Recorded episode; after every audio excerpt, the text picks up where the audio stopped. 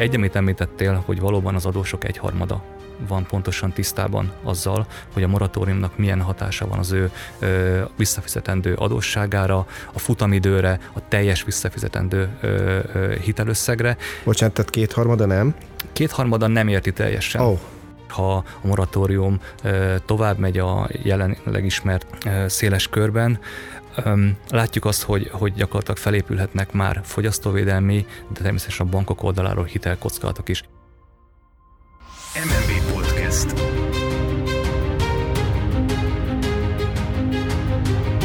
Üdvözlöm minden kedves hallgatónkat az MNB Podcast legújabb adásában, ahol is a jegybank frissen publikált pénzügyi stabilitási jelentése kapcsán fogunk annak aktuális megállapításairól, üzeneteiről beszélgetni.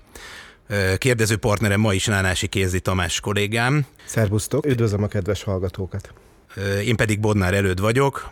Mai vendégeink pedig, mert hogy ketten is vannak, Nagy Tamás igazgató és Vágó Nikolett vezető közgazdasági elemző, aki egyben a friss jelentés koordinátora is, mindketten a jegybank pénzügyi rendszer elemzése igazgatóságáról. Sziasztok, köszöntünk titeket itt a műsorban. Sziasztok, köszönjük a meghívást, és köszöntjük a hallgatókat. Sziasztok, és köszöntöm a hallgatókat. A pénzügyi stabilitási elemzés egyik fő feladata a pénzügyi rendszer sokokkal szembeni ellenálló képességének vizsgálata. Tehát itt az az alapvető kérdés, hogy szélsőséges, de mégis elképzelhető makrogazdasági események mekkora potenciális veszteséget okoznának a bankrendszernek. És azért elsősorban annak, mert a bankválságok jelentik a legnagyobb fenyegetést a pénzügyi rendszer stabilitására. És ha már sok hatásokról beszélünk, ugye mi egy ideje minden beszélgetésünket a Covid-dal kezdünk, ez most se lesz másképp, hiszen a pandémia egy merőben új helyzetet teremtett a világban, és nem csak a gazdasági életre, de az általános mindennapjaink számtalan területére igen negatívan hatott. Ugyanakkor a friss jelentés szerint mindeközben a bankrendszer likviditási helyzete a tavalyi év második felében is tovább javult. Ez vajon minek köszönhető?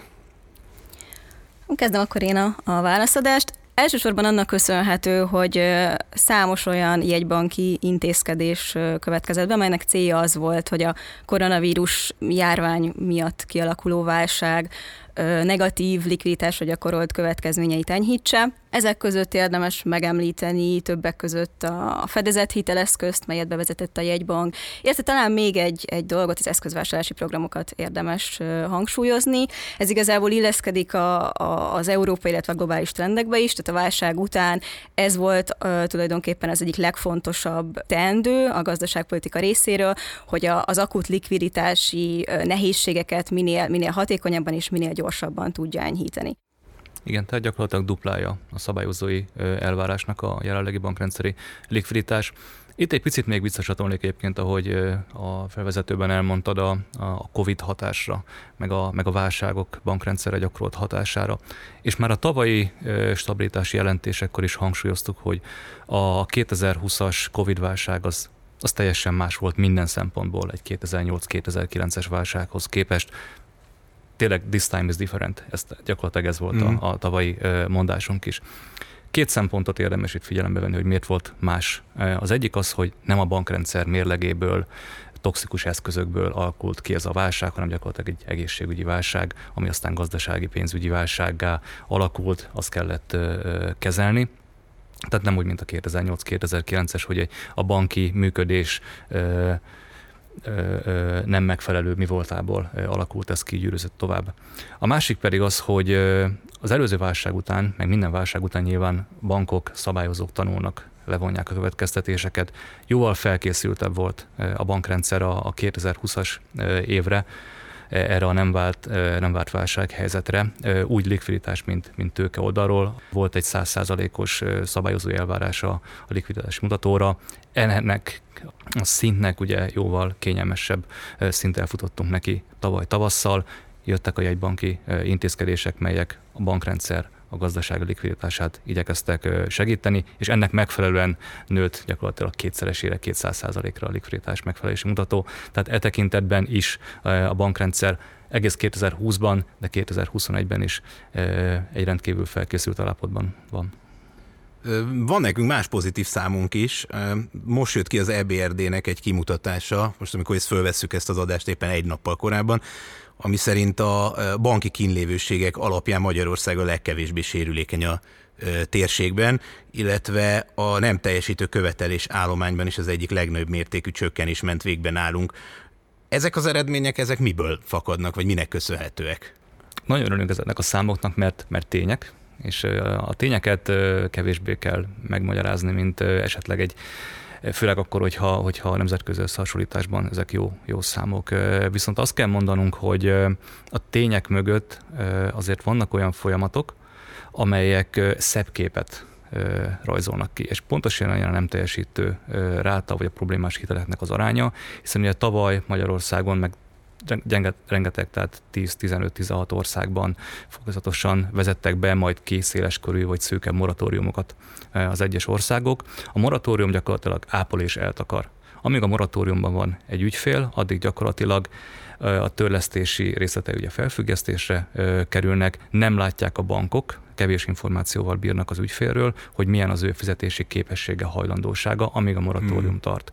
Ezért is egyébként a stabilitási jelentésben megpróbáltuk felmérni az úgynevezett sérülékeny állományokat, úgy a lakossági, mint a vállalati szegmensben, erről majd Niki fog beszélni, hogy milyen eredményekre jutottunk, de összességében valóban igaz a, a, a megállapítás, hogy, hogy nagyon alacsony historikus szinten vannak a nem teljesítési ráták, látszólag a bankrendszer portfólió minősége nagyon stabil. Nagy kérdés, hogy a moratóriumot követően hova érkezünk meg. És akkor át is adnám Nikinek a szót, hogy a, a sérülékeny állományokról beszéljen. Igen, a, a jelenlegi felmérésünk készítésekor is ö, igyekeztünk behatárolni, hogy mely ágazatok azok, melyekről tulajdonképpen feltételezhetjük, hogy a koronavírus járvány ö, következményeinek erőteljesen ki vannak téve, tehát e, ilyen szempontból sérülékenynek tekinthetjük őket. Alapvetően ezt az ágazati besorolást, ezt több már múltbeli adat figyelembevételével alakítottuk ki. Többek között a, a 2020 második és harmadik negyedéves, tehát a koronavírus járvány közvetlen következményeit leginkább mutató két negyedévben elszenvedett hozzáadott érték változás tekintetében. Tehát ez mutatja meg, hogy az egyes ágazatok 2020 közepén milyen mértékben ö, szenvedték meg a, a koronavírus járvány következményeit. Emellett figyelembe vettük azt, hogy mely szakágazatok azok, amelyekben nagyon nagy az aránya a moratóriumba való részvételre, hiszen tulajdonképpen ez, ez jelezheti azt, hogy, hogy mely ágazatokban volt szükség azonnali ö, likviditási segítségre, illetve még figyelembe vettük azt is, hogy ezek a, ezekben a szakágazatokban milyen, jellemzően milyen volt a foglalkoztatási létszám ö, változása 2020 vége, illetve 2020 eleje, tehát még a pandémia előtti időszakhoz képest. És akkor tulajdonképpen ennek következtében 200 olyan szakágazatot azonosítottunk nagyságrendileg, melyek sérülékenyek, és nagyjából a kétszerese ennek az, ami pedig nem sérülékenynek tituláltunk ezek az adatok alapján. És akkor összességében azt láttuk, hogy a vállalati hitelállomány 22%-a tekinthető sérülékenynek, hogyha ezeket a besorolásokat figyelembe vesszük. Azonban azt gondoljuk, hogy önmagában a sérülékenységből még nem lehet egyértelműen következtetni a jövőbeli nem teljesítésre. Érdemes mást is még mellé. Tehát ez csak egy rizikófaktor. Ez egy rizikófaktor, igen, és amit még emiatt megnéztünk ahhoz, hogy mondjunk egy arányszámot arra, hogy a vállalati szektoron belül az állomány mekkora részét tartjuk kiemelten kockázatosnak, ehhez figyelembe vettük azt, hogy az egyes vállalatok esetében saját korábbi adataik figyelembevételével melyek tekinthetőek eladósodottabbnak, illetve melyeknek gyengébb a likviditási helyzete. És tulajdonképpen ezeknek az információknak a figyelembevételével azt mondhatjuk, hogy a vállalati szektorban a kiemelten kockázatos állomány az nagyjából 12% a teljes vállalati állománynak. És ez jó hír vagy rossz hír? Tehát hová tegyük ezt a Mindig ezt úgy szoktuk arányt? kérdezni, hogy nemzetközi összehasonlításban ezzel hogy állunk vajon? Erre azért nehéz válaszolni, mert, mert ez egy abszolút magyar specifikus sérülékenységi definíció, amit mi meghatároztunk, mm. a rendelkezés álló adatok alapján ezt tartottuk legjobbnak. Nem tudunk róla, hogy ehhez nagyon hasonló sérülékenységi besorolások születtek volna külföldön. Tehát minden tizedik vállalati hitel bedőlhetne, hogyha nem lenne előttünk ez az ápoló és takaró moratórium? Ez a, ez a legrosszabb forgatókönyv, és hogy a jelentésben is jelöltük, nem feltétlenül ezt a nem teljesítési arányt várjuk a moratóriumot uh-huh. követően, tehát ez nem, nem egy MPL előrejelzés, uh-huh. hogy akkor két személyű nem teljesítési rátákat láthatunk tavaly, vagy, bocsánat, idén évvégén, vagy, vagy, vagy már 22-től, amikor ezek így folyamatosan kitisztul ez a kép. Összességében egyébként, hogy választ adjak, hogy nem 12, akkor mennyi lehet a, a, a várható NPR ráta, erre azt mondjuk, hogy egy számjegyű. Gyakorlatilag ez egy hmm. ilyen konszenzus a bankokkal való uh-huh beszélgetések során is ez jött ki, hogy, hogy, hogy egy számjegyű NPR tehát várunk a moratóriumot követően, és hogy ezt kontextusba helyezzük, nagyon fontos elhelyezni, ismét csak az előző válsághoz képest, amikor az előző válságot követően a nem teljesítési ráta csúcsa az 20-25 százalék között volt. Tehát ehhez, ehhez képest, képest így jövünk ki egy, egy, uh-huh. egy aktívan menedzselt válságból, ahogy említettem, moratórium egy teljesen új eszközként jelent meg ebben a válságkezelési csomagban, és hát bízunk benne, hogy, hogy a bankok valóban jól tudják majd menedzselni, hogyha ennek a folyamatnak vége van. Egy arányaiban kisebb nem teljesítő állományt, és egyébként fontos hozzátenni, hogy nemzetgazdasági szinten is, hogyha az eladósodottsági szinteket nézzük, amit Niki is említett, hogy megvizsgáltuk egyedi vállalati meg lakossági szinten, tehát a mi eladósodottságunk ismét csak teljesen más dimenzió, mint 2008-2009-ben volt. A GDP arányos hitelállományok gyakorlatilag fele olyan magas szinten vannak, mint, mint 2008-2009-ben. Tehát az előző évek eladósodása hiába láttunk nagyon magas hiteldinamikákat az elmúlt években. Ez egy nagyon magas GDP növekedéssel párosult, tehát gyakorlatilag a bankrendszer finanszírozása folyamatosan szolgálta a gazdaságnak a bővülését. Nem volt túl hitelezés, túl fűtött finanszírozása a gazdaságnak, ezáltal, és annak is köszönhetően, hogy folyamatosan az adósságfék szabályok működtek, ugye ezt is is a Nemzeti Bank már az elmúlt években elvárta a bankoktól. Tehát ha ezeket a folyamatokat nézzük, nem volt túladósodás az elmúlt években, nem látjuk azt, hogy bizonyos szektorok extrém módon sérülékenyekké váltak volna azért, mert túlhitelezte őket a, a bankrendszer. Valóban a COVID specifikus ágazatok, azt gondolom, hogy nem mondok újdonságot, tehát gyakorlatilag a, a turizmus, vendéglátás szolgáltató iparon belül bizonyos ágazatokat. Ott vannak forró pontok. Így van, ott vannak uh-huh. a, a forró pontok. Egyébként bízunk benne, és ez picit egy olyan optimista zárás ennek a, ennek a tételnek, hogy azért látjuk, hogy a, harmadik hullám leküzdésével és a gazdaság újranyitásával, a javuló makroszámokkal, az javuló átoltottsági adatokkal, és látjuk, hogy nyitnak újra az egyébként sírulékeny ö, ö, cégek, ö, szektorok, hogy a moratóriumnak vége lesz, már kellő bevétellel, megerősödött pénzügyi helyzettel tudnak újra visszatérni majd a, a törlesztésekhez, úgy a vállalatok, mint pedig a még a moratóriumon lévő háztartások. Arról nem is beszélve, hogy azzal a robusztus háttérrel, hogy fogalmaztatok a jelentés bemutatásakor is, amely a bankok mögött most áll, azzal bizonyára könnyebben lehet majd kezelni azokat a hiteleket is, amelyek végül nem fizető szférába kerülnek. De mi a helyzet a lakossággal? Mert hogyha megnézzük a hitelfelvételi adatokat, áprilisban volt egy nominálisan mindenképp egy kiugrás, egy rekord, ami alapján az embernek az a gondolata támadhat, hogy mintha a magyarok nem tudnák azt, hogy van még holnap is, és fejvesztve rohannak a bankokba különféle hitelek felvételéért. Kirajzolódik egy ilyen tendencia. Mit mutat ez a kiugrás, ez a rekord, ami áprilisban miért mértek ezzel kapcsolatban. Igen, azt első körben hangsúlyoznám, hogy a kifejezetten a lakás célú hitelek tekintetében uh-huh. láttunk egy historikus csúcsot, március után áprilisban is újabb csúcsot döntöttünk. Nagyjából 108 milliárd forint hitelt helyeztek ki a bankok. És igazából, hogyha, hogyha ezt, ennek a kockázatosságát szeretnénk mondjuk értékelni, akkor nagyon fontos megvizsgálni, hogy ez a rekord összeg mögött milyen okok húzódhatnak meg. Én alapvetően azt gondolom, hogy két fő oka van. Az egyik az az, hogy, hogy a tavaly októberben bejelentett új otthon teremtési támogatások, azok jelentősen élénkítették a lakáspiacot, tehát hogy jelentős új keresletet generáltak a, a lakáspiacon.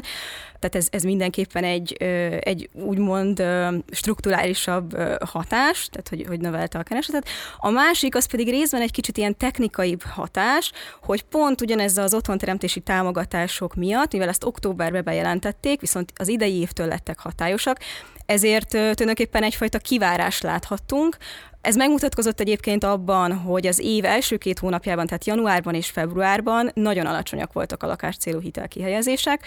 Hogyha figyelembe vesszük azt, hogy az adásvételi szerződéseket tavaly év végétől már elhalasztották azért, hogy az idei évben kössék meg, illetve figyelembe vesszük azt, hogy miután valaki aláír egy adásvételi szerződést, utána még időbe telik, míg ehhez egy lakáscélú hitelt is fel tud venni.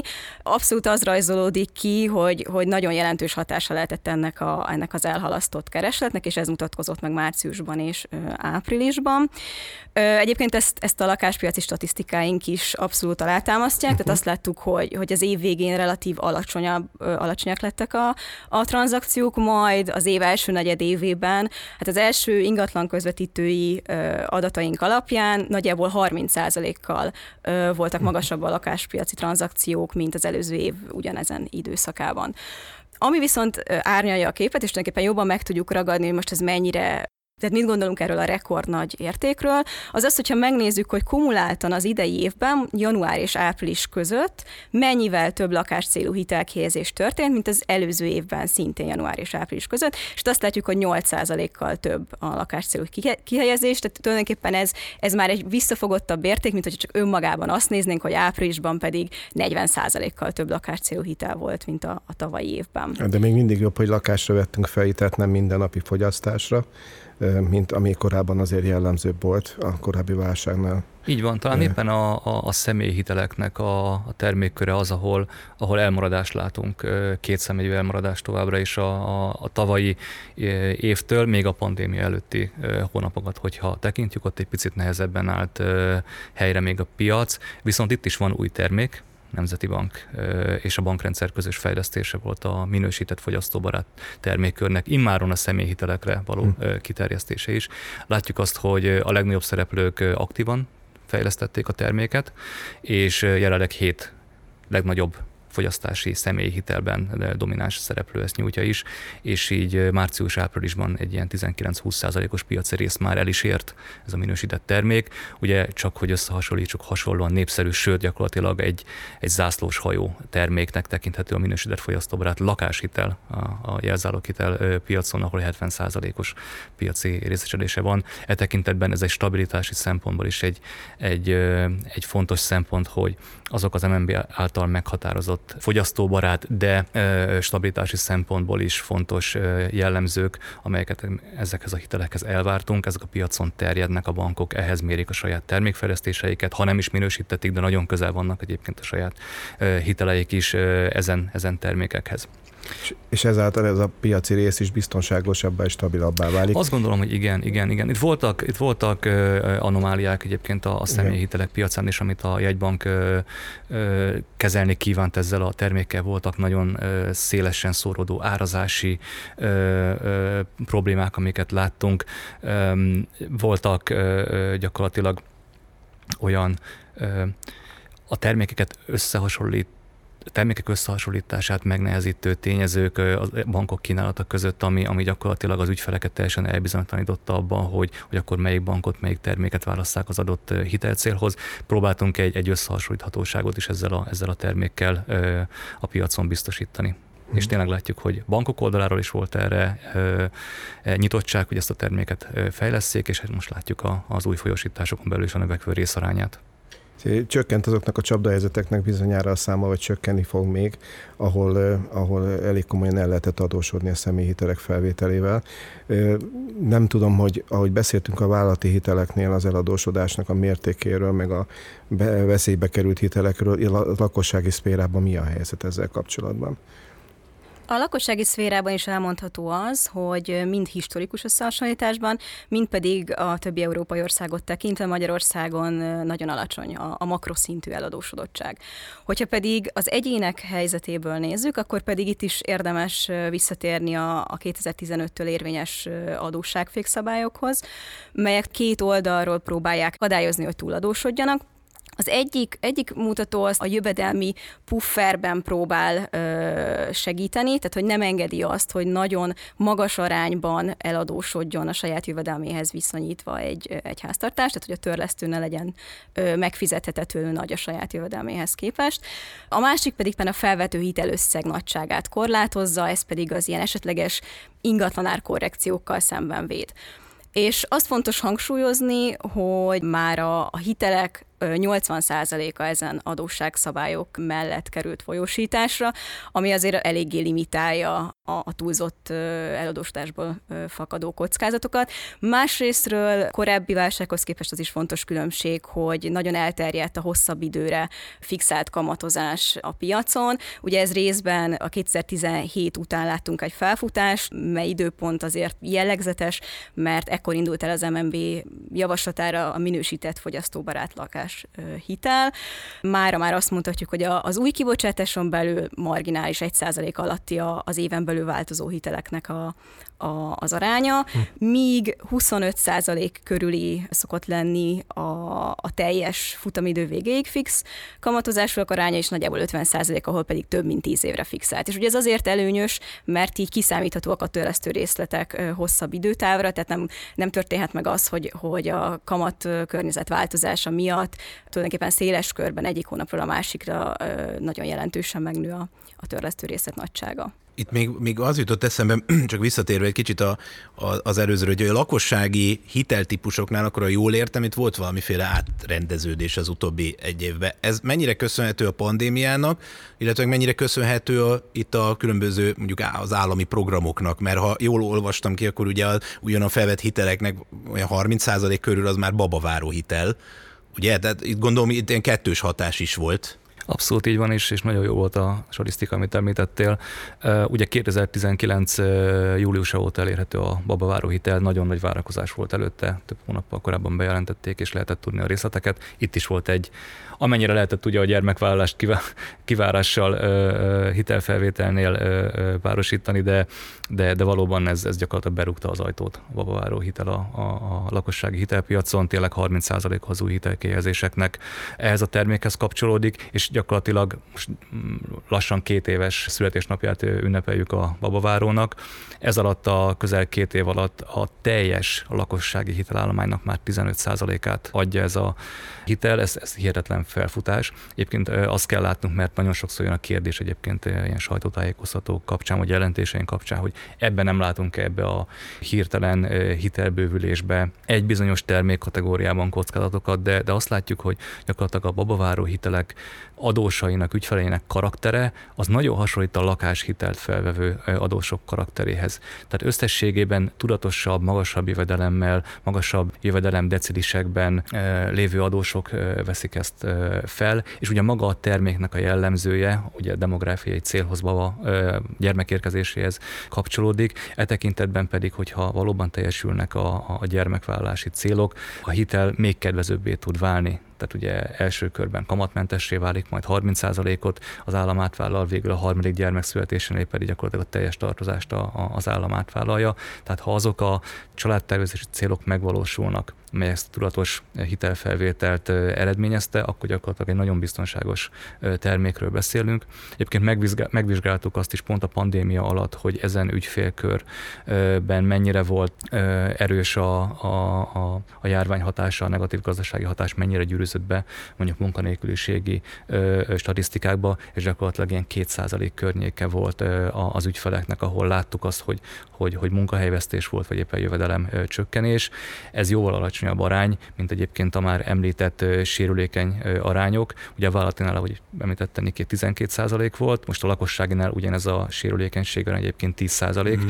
talán ezt az gondolatot nem, nem fejeztük be, de, de összességében tehát a babaváró hitel az, az, egy, az egy biztonságosnak tekinthető termék. 21-től pedig, ahogy szintén szó volt róla, alapvetően újra a, a, a lakáscél, az otthonteremtés segítő kormányzati programok fűtik újra, vagy segítik a hiteldinamika fenntartását. Tehát most minden az ingatlanpiacon a lakásvásárlásról és a felújításról szól, ehhez rengeteg, rengeteg dedikált termék van a piacon. Hogyha Csak bírja az építőipar. igen, ez egy, ez egy másik podcastban szerintem már egyébként igen. igen. felmerült. Igen, igen, vannak kapacitáskorlátok, de ez, ez, ez egy nagyon hosszú történet lenne. Beszéltünk a biztonságosabb, meg a tisztább piacról és hitelekről, amihez bizonyára az is társult, hogy viszonylag fegyelmezett lehetett az elmúlt években már időszakban már a törlesztéseknek is a visszafizetése. Na most beszéltünk arról is, hogy a moratórium ápol és eltakar, akkor a lakossági részéről felől is vizsgáljuk meg ezt a kérdést.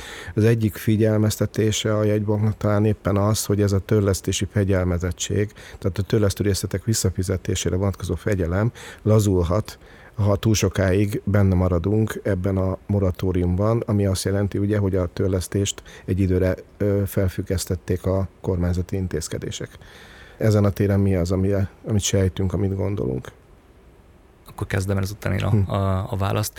Igen, ugye gyakorlatilag a, a, a moratórium benne van a köztudatban, illetve most már újra a kormányzati kommunikációban és a jegybank jelentéseiben is nagyon fontos szempont.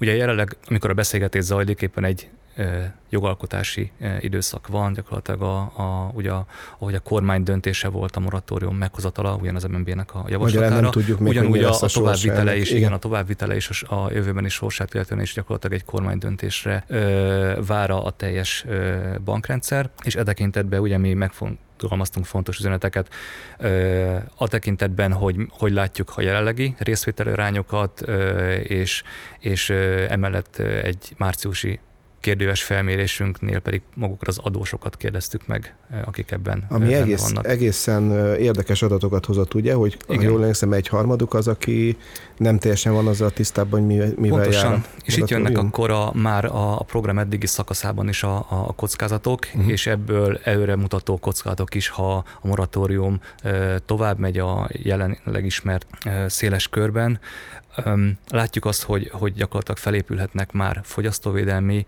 de természetesen a bankok oldaláról hitelkockázatok is. Egy, amit említettél, hogy valóban az adósok egyharmada van pontosan tisztában azzal, hogy a moratóriumnak milyen hatása van az ő ö, visszafizetendő adósságára, a futamidőre, a teljes visszafizetendő ö, ö, hitelösszegre. Bocsánat, tehát kétharmada nem? Kétharmada nem érti teljesen. Oh. Értem. Bizonyos részeit érti a moratóriumnak, uh-huh. de nem áll össze a kép. Tehát valószínűleg azok az üzenetek nagyon sok adósnál átmentek, hogy, hogy a törlesztő részlete gyakorlatilag ugyanott fog folytatódni, ahol a moratórium nagyjából ugyanott, ha csak nem volt változó kamatozású hitel. Ha fix kamatozású hitel volt, akkor gyakorlatilag ugyanott folytatja a havi törlesztő részlettel, mint a moratórium előtt, tehát már 2020 márciusa Tehát minden előtt. visszatér a régibe ehelyett? Igen. Ehelyett ugye egyébként, ahogy a jegybank kommunikálta már a program hm. elején is, meg azóta jelentéseiben, egy meghosszabbított törlesztési pályával kell hm. számolni, és nem csak a moratórium időszakával hosszabbodik meg a, a hitel futamideje, hanem a moratórium alatt a fennálló tőketartozásnak a kamatozása ugyanúgy hozzáadódik a, a visszafizetendő és mivel a törlesztő részlet nem emelkedhet, így a futamidőben jelentkezik majd ez így a van, többlet. Nagyon fontos uh-huh. egyébként, és akkor ami most ugye kormányzati kommunikációból is kiolvasható volt, hogy vannak elképzelések arra, hogy akár, ugye most 2021 júniusában, hogy innentől akár még egy évvel meghosszabbodhat a moratórium, de hangsúlyozom, hogy gyakorlatilag ezek ilyen napi szinten és, és tényleg szakmai diskurzus tárgyát képező megfontolások, de ha feltételezzük ezt, hogy még egy évig innentől a moratórium érvényben van, tehát adott esetben, ha valaki úgy dönt, hogy e, ebben maradni szeretne, akkor összesen 27 hónapot tölt majd moratóriumban. Egy 27 hónapos moratórium azonban nem 27 hónappal növeli meg a, a hiteltörlesztéseket, hanem kiszámoltuk ezt lakáshitelek esetében, a lakáshitelek esetében több mint felénél az adósoknak három és fél évvel fizet majd tovább, mint az eredeti Hát nem mindegy. Törlesztő pálya volt, tehát gyakorlatilag ilyen három és fél évvel tolódnak ki, hogyha még innentől egy évig bemaradna. De, de igen, de nem csak a törlesztési pálya az, ami, vagy a, a törlesztés ideje, ami kitolódik, hanem gyakorlatilag a teljes visszafizetendő hitelösszeg is emelkedik. Tételezzük fel, hogy egy évig még valaki moratóriumban marad. Egy tipikus lakáshitelnél ez, ez azt jelenti, hogy sőt nem is tipikus gyakorlatilag valamennyi hiteladósra ezt, ezt figyelembe vettük, aki jelenleg moratóriumban van, és azt találtuk, hogy, hogy a lakáshitelesek több mint felénél 10%-kal nő a teljes visszafizetendő hitelösszeg, de ennél jóval drámaibb lehet, hangsúlyozom, hogy lehet, hogyha valaki egy személyi hitele, egy magasabb uh-huh. kamatozású személyi hitele marad 27 hónapig moratóriumban, az ő esetükben azt találtuk, hogy több mint fele az adósoknak 40%-kal több teljes visszafizetendő adósságot fog a, a végén. A Ez egy csúnya meglepetés, hogyha kiderül. Igen, igen, és ezért is javasoljuk, és a, a stabilitási jelentésnek talán az utolsó, de legfontosabb üzenete volt, hogy a jegybank azt szeretné, hogyha az adósok ezen szempontokat értékelve minél nagyobb arányban térnének vissza a törlesztéshez, természetesen anyagi, jövedelmi helyzetüket értékelve, és valóban csak az a adósi kör maradna a moratóriumban, akik ezt a védőhálót mindenképpen még igénylik, tehát aki tud, az a következő időszakban rövid távon számolja ezt ki, és, és térjen vissza a, a törlesztésre, és csak azok maradjanak, akinek valóban szüksége van rá. Ha jól emlékszem, az adatra közel 600 milliárd forint olyan hitel van, amit a lakosság jelenleg nem törleszt és 1100 milliárd a vállalati szféra, tehát 1700 összesen, nem? En, akkor jó, de valami ezt megközelítő adat lehet, de akkor meg kérek pontosítást ezen a téren, ha lehet. Az a kérdésem végül is, ez a lényegi része, hogy szüksége van-e az embereknek arra, hogy ennyi pénzt ne fizessenek jelen pillanatban. Mekkora az az arány, aki most is tudná fizetni, csak valami nem azért veszi igénybe a moratóriumot, mert olyan rossz helyzetben van, hanem esetleg más oka van. Többet akar költeni, kényelmi szempontok vezérlik.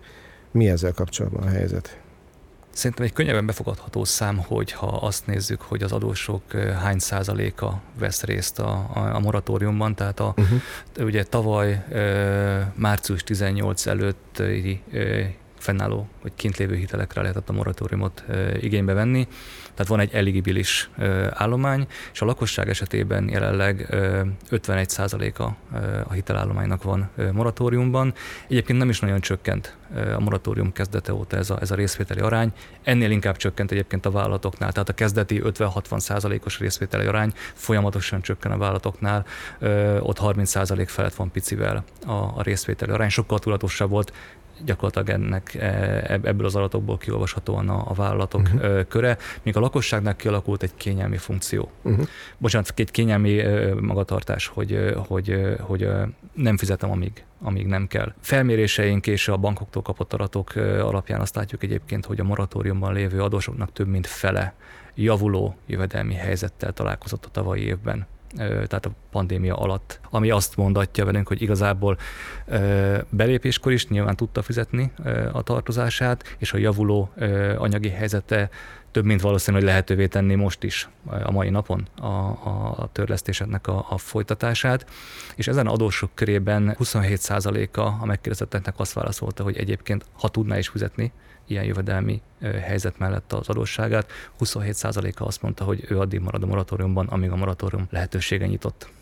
De talán, ha mérlegeli, hogy mennyire drága mulatság ez, Pontosan. akkor másképp gondolja majd, mondjuk, és biztatjuk mi az embereket arra, hogy ne éljenek igen, eset. igen, tudatos döntést kell hozni. Láttuk egyébként a felhasználási célokat, és nagyjából 60%-a, de lehet, hogy egy pici magasabb, majd Niki esetleg korrigál a számmal, valóban mindennapi kiadásokra uh-huh. fordította a, a megmaradó törlesztőrészletet, ezt a plusz likviditást ami, ami valóban, amit kérdeztél, összeget nagyjából 1700 milliárd forintot jelentett a vállalatoknál és a lakosságnál, lakosságnál 600 és 1100 milliárd a vállalatoknál a, a tavalyi évben, tehát a meg nem fizetett törlesztőrészletek a lakosság esetében gyakorlatilag a mindennapi kiadásokra kerültek felhasználásra, ennél jóval kisebb összeg volt, aki, aki megtakarította, tudatosan készült esetleg a, a, a moratórium végére, és puffereket képzett.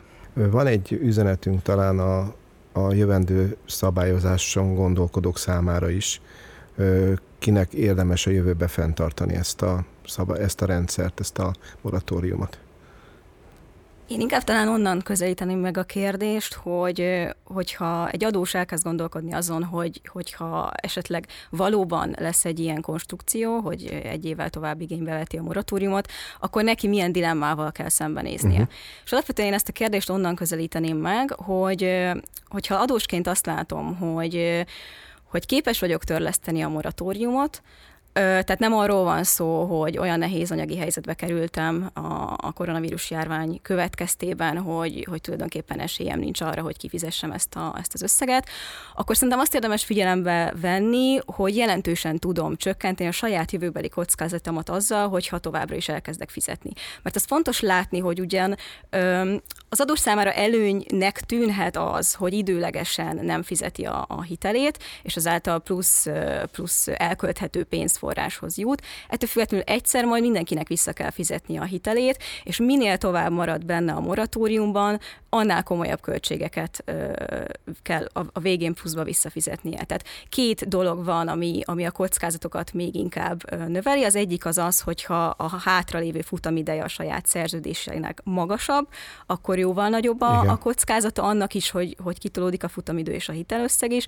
Másrésztről pedig, amit fontos figyelembe venni, hogy milyen a kamatozása az adós hitelének, mert minél nagyobb a kamatozása, az is afelé vezet, hogy jobb, jobban ki fog ö, számára tolódni a, a, a maradék futamidő, illetve, illetve a visszafizetendő összeg is jobban nő. Azt hiszem, akkor megértettem, tehát bármilyen előnyös is lehet egy szabályozás, mi azt javasoljuk, hogy gondolkodjunk egy kicsit felelősebben már igen, adósok igen, igen. Ugye alapvetően részéről. És akkor idézzük fel, hogy a, hogy a, a moratórium bevezetésekor a jegybank egyébként úgy ezeket elmondta uh-huh. a, a moratórium konstrukciójával, de ugye a moratórium és a üzenetet vagy összegzést lehet megfogalmazni, és a más országok példája gyakorlatilag ezt, ezt jól mutatja, hogy ez egy válságkezelő uh-huh. eszköz. Ugye első körben kilenc hónapra lett bevezetve tavaly év végéig, majd nyilván a, a második hullámra azért lehetett még számítani, tehát a, a meghosszabbítása adott esetben indokolt is volt a, a, a... És nem keveset segített. És nem keveset segített. Tehát összességében továbbra is a, a legújabb, de legjobb, egyált, egyúttal legjobb, leghatásosabb válságkezelő eszköz volt így gyakorlatilag nemzetközi szinten is, és, és idehaza is a, a moratórium. De nagyon fontos azt látni, hogy egy válságkezelő eszköznek is egy bizonyos időszakig előnyei vannak, ugye likviditás segített a, a, a vállalatoknál, a, a háztartásoknál, nem zuhant össze a, a magyar gazdaság, tehát a moratóriumnak számszerűsíthető pozitív hatásai voltak a tavalyi évre. De egy válságkezelő eszköz minél inkább benn marad a, a köztudatban, a gazdaság működésében, annál inkább az előnyök mellett felépülnek kockázatok. És erről beszéltünk, hogy vannak most már fogyasztóvédelmi kockázatok, bankrendszeri hitelkockázatok, hiszen a bankok egy ideje után már tényleg nem rendelkeznek biztos információval, információval az adósoknak a fizetési képességéről, hajlandóságáról, és a bankok oldaláról, hogy picit visszakanyarodjunk ismét a stabilitás jelentéshez és a, a, a bankrendszer eh, hatásaihoz, hogy eh, a bankoknak ezen eh, hitelkockázatokra értékvesztés kell képezni. És itt rengeteg nemzetközi iránymutatás van, a, a, a felügyelet nálunk is vezetői körlevelekben tájékoztatja a bankokat, hogy mi az az elvárt prudens, prudens működés, amit, amit a moratórium kapcsán elvár tőlük, de gyakorlatilag a hitelkockázatok emelkedése értékvesztési többletet generál, ami folyamatosan mérsékli a bankok jövedelmezőségét és egy bizonyos idő után, ha a hitelkockázatok túlzottan megnőnek, és az értékvesztési szint túlzottan megemelkedik, ez már veszteséget okoz a bankrendszerben. És ha adott évben, vagy adott időszakban a bankrendszernek a, a az eredmény kimutatása végén egy nagyon nagy negatív számot látunk, ez tőkeveszteséget jelent. Tehát gyakorlatilag a tőkét égeti a, a bankrendszer egy idő után, hogyha, hogyha a, ezen kockázatos hitelekre neki értékvesztést, fedezetet kell képeznie, ha pedig a tőkéje csökken, akkor gyakorlatilag a hitelezési képessége csökken. És talán itt ér össze a, a makro gazdaság a, a bankok hitelezésével, hogy az a kilábalási pálya, amiben most egyébként mindenki hisz, és, és, és szebbnél szebb számokat és jobbnál jobb számokat látunk egyébként tényszámokon, meg, meg előrejelzésekben, ez érdemi veszélybe kerülhet, hogyha a bankrendszer tőke oldalról sérül, vagy esetleg valami bizalmi válság alakulna ki a, a bankrendszerben az adósok és a, és a bankok között. Tehát ez a növekedési történet, ez, ez érdemben sérülhet hogyha, hogyha a bankok nem, nem lesznek képesek kiszolgálni hitelezés oldaláról a, a, a potenciális növekedést. Lassan az időnk végéhez közeledünk, úgyhogy szépen nekem, körbe is értünk el. De még lenne egy, egy, egy kérdés, még nem érintettünk, ami ugye eszembe jutott, hogy a, az idei első negyed évben a vállalati hitelállomány az jól láthatóan növekedett. Ugye ezt említettük is valamikor már beszélgetés során és, és az látszik, hogy ez elég erősen hatottak itt az állami hitelprogramok, és hát azon belül is ennek egy jelentős részét a jegybanknak az NHP hajrá hitelkonstrukciója tette ki, vagy lendített hozzá, ami, ami hát ugye nagyjából ugye az az előre meghatározott keretnek egy jelentős része ki is merült, tehát akkor itt kijelenthetjük, hogy az NHP hajrá az, az elérte a célját, és mint ahogy itt a jelentéshez kapcsolódó sajtótájékoztatón is mondtátok, hogy várható az NHP konstrukció vagy hitelen belül egyfajta változás a jövőre nézve, hogy mit tudunk -e erről valamit mondani? Azt gondolom, hogy itt a következő hetek ben uh, nyilván a, a jegybank vezetése, a, a monetáris tanács uh, ugyanúgy kiértéke ezeket a, a felhasznál, ezt a felhasználást, ezt a sikerességet egyébként a program kapcsán, ami elvitathatatlan a 2020-21-es évben. De ugye, ahogy a, sajtóközleményben is elmondtuk, gyakorlatilag a keret kimerülés közelébe ért, ugye kétszer is meg, ki lett bővítte, 3000 milliárd forintnyi hitelösszeg került folyosításra az NHP hajrában. 2600 milliárdnál tartunk, a jól emlékszem, a 3000 igen, milliárdos igen, kereten. 3000-ből 2600 hát volt, és a, a, ezekben a napokban, amikor, amikor most beszélgetünk, valószínűleg még közelebb került már a, a teljes keret kihasználásához. És ugyanezt el lehet mondani egyébként, tehát még a, a monetáris tanács döntése előtt vagyunk, amikor erről beszélgetünk, de az NHP hajrá gyakorlatilag szintén egy, egy válság eszköz volt, ami gyakorlatilag a, a legszélesebb körben, legszélesebb ö, ö, célra felhasználható volt a vállalatok, a KKV-k számára a likviditás biztosított munkahelyek megtartását segítette, vagy ö, a kevésbé érintett szektorokban természetesen a növekedést, a beruházások finanszírozását segítette ugyanazokkal a kedvező kondíciókkal, ö, mint korábban.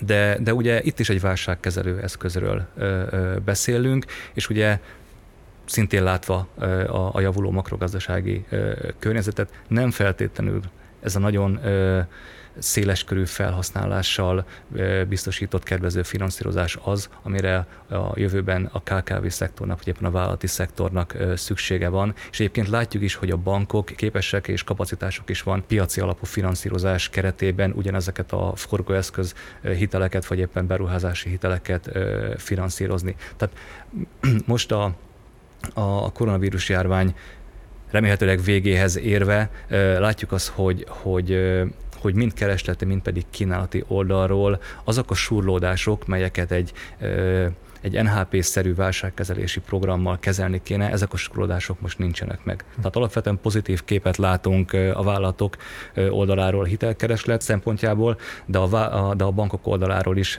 azt látjuk, hogy mind a, a, a, az árazásban, mind a, a, a a, a, a hitel folyósítások volumenében egy nagyon egészséges versenyt, egy nagyon egészséges szintet látunk, amely gyakorlatilag tud működni a válság alatt egyébként nagyon nagy volumenben megjelent támogatott hitelprogramok nélkül is. Tehát piaci alapon is tud menni, ez már azt látjuk. Támasz nélkül, Támasz saját nélkül, lábon állva. Van. Igen. Jó, hát szerintem a pénzügyi stabilitási jelentésnek a hagyományos témái közül nagyjából mindent körül jártunk. Az ingatlan piaci trendeknek már egyszer egy önálló műsort szántunk, és terveink szerint az NHP-nak is majd egy önálló beszélgetést fogunk szentelni. Úgyhogy én megköszönöm, hogy itt voltatok velünk, hallgatóinkat pedig arra buzdítom, hogy továbbra is kövessenek minket a, az MNB YouTube és SoundCloud csatornáin, a megújult egybanki honlapon és a közösségi média felületeinken. Hamarosan pedig új adásra fogunk jelentkezni. Viszont hallásra! Viszont hallásra! Köszönöm szépen!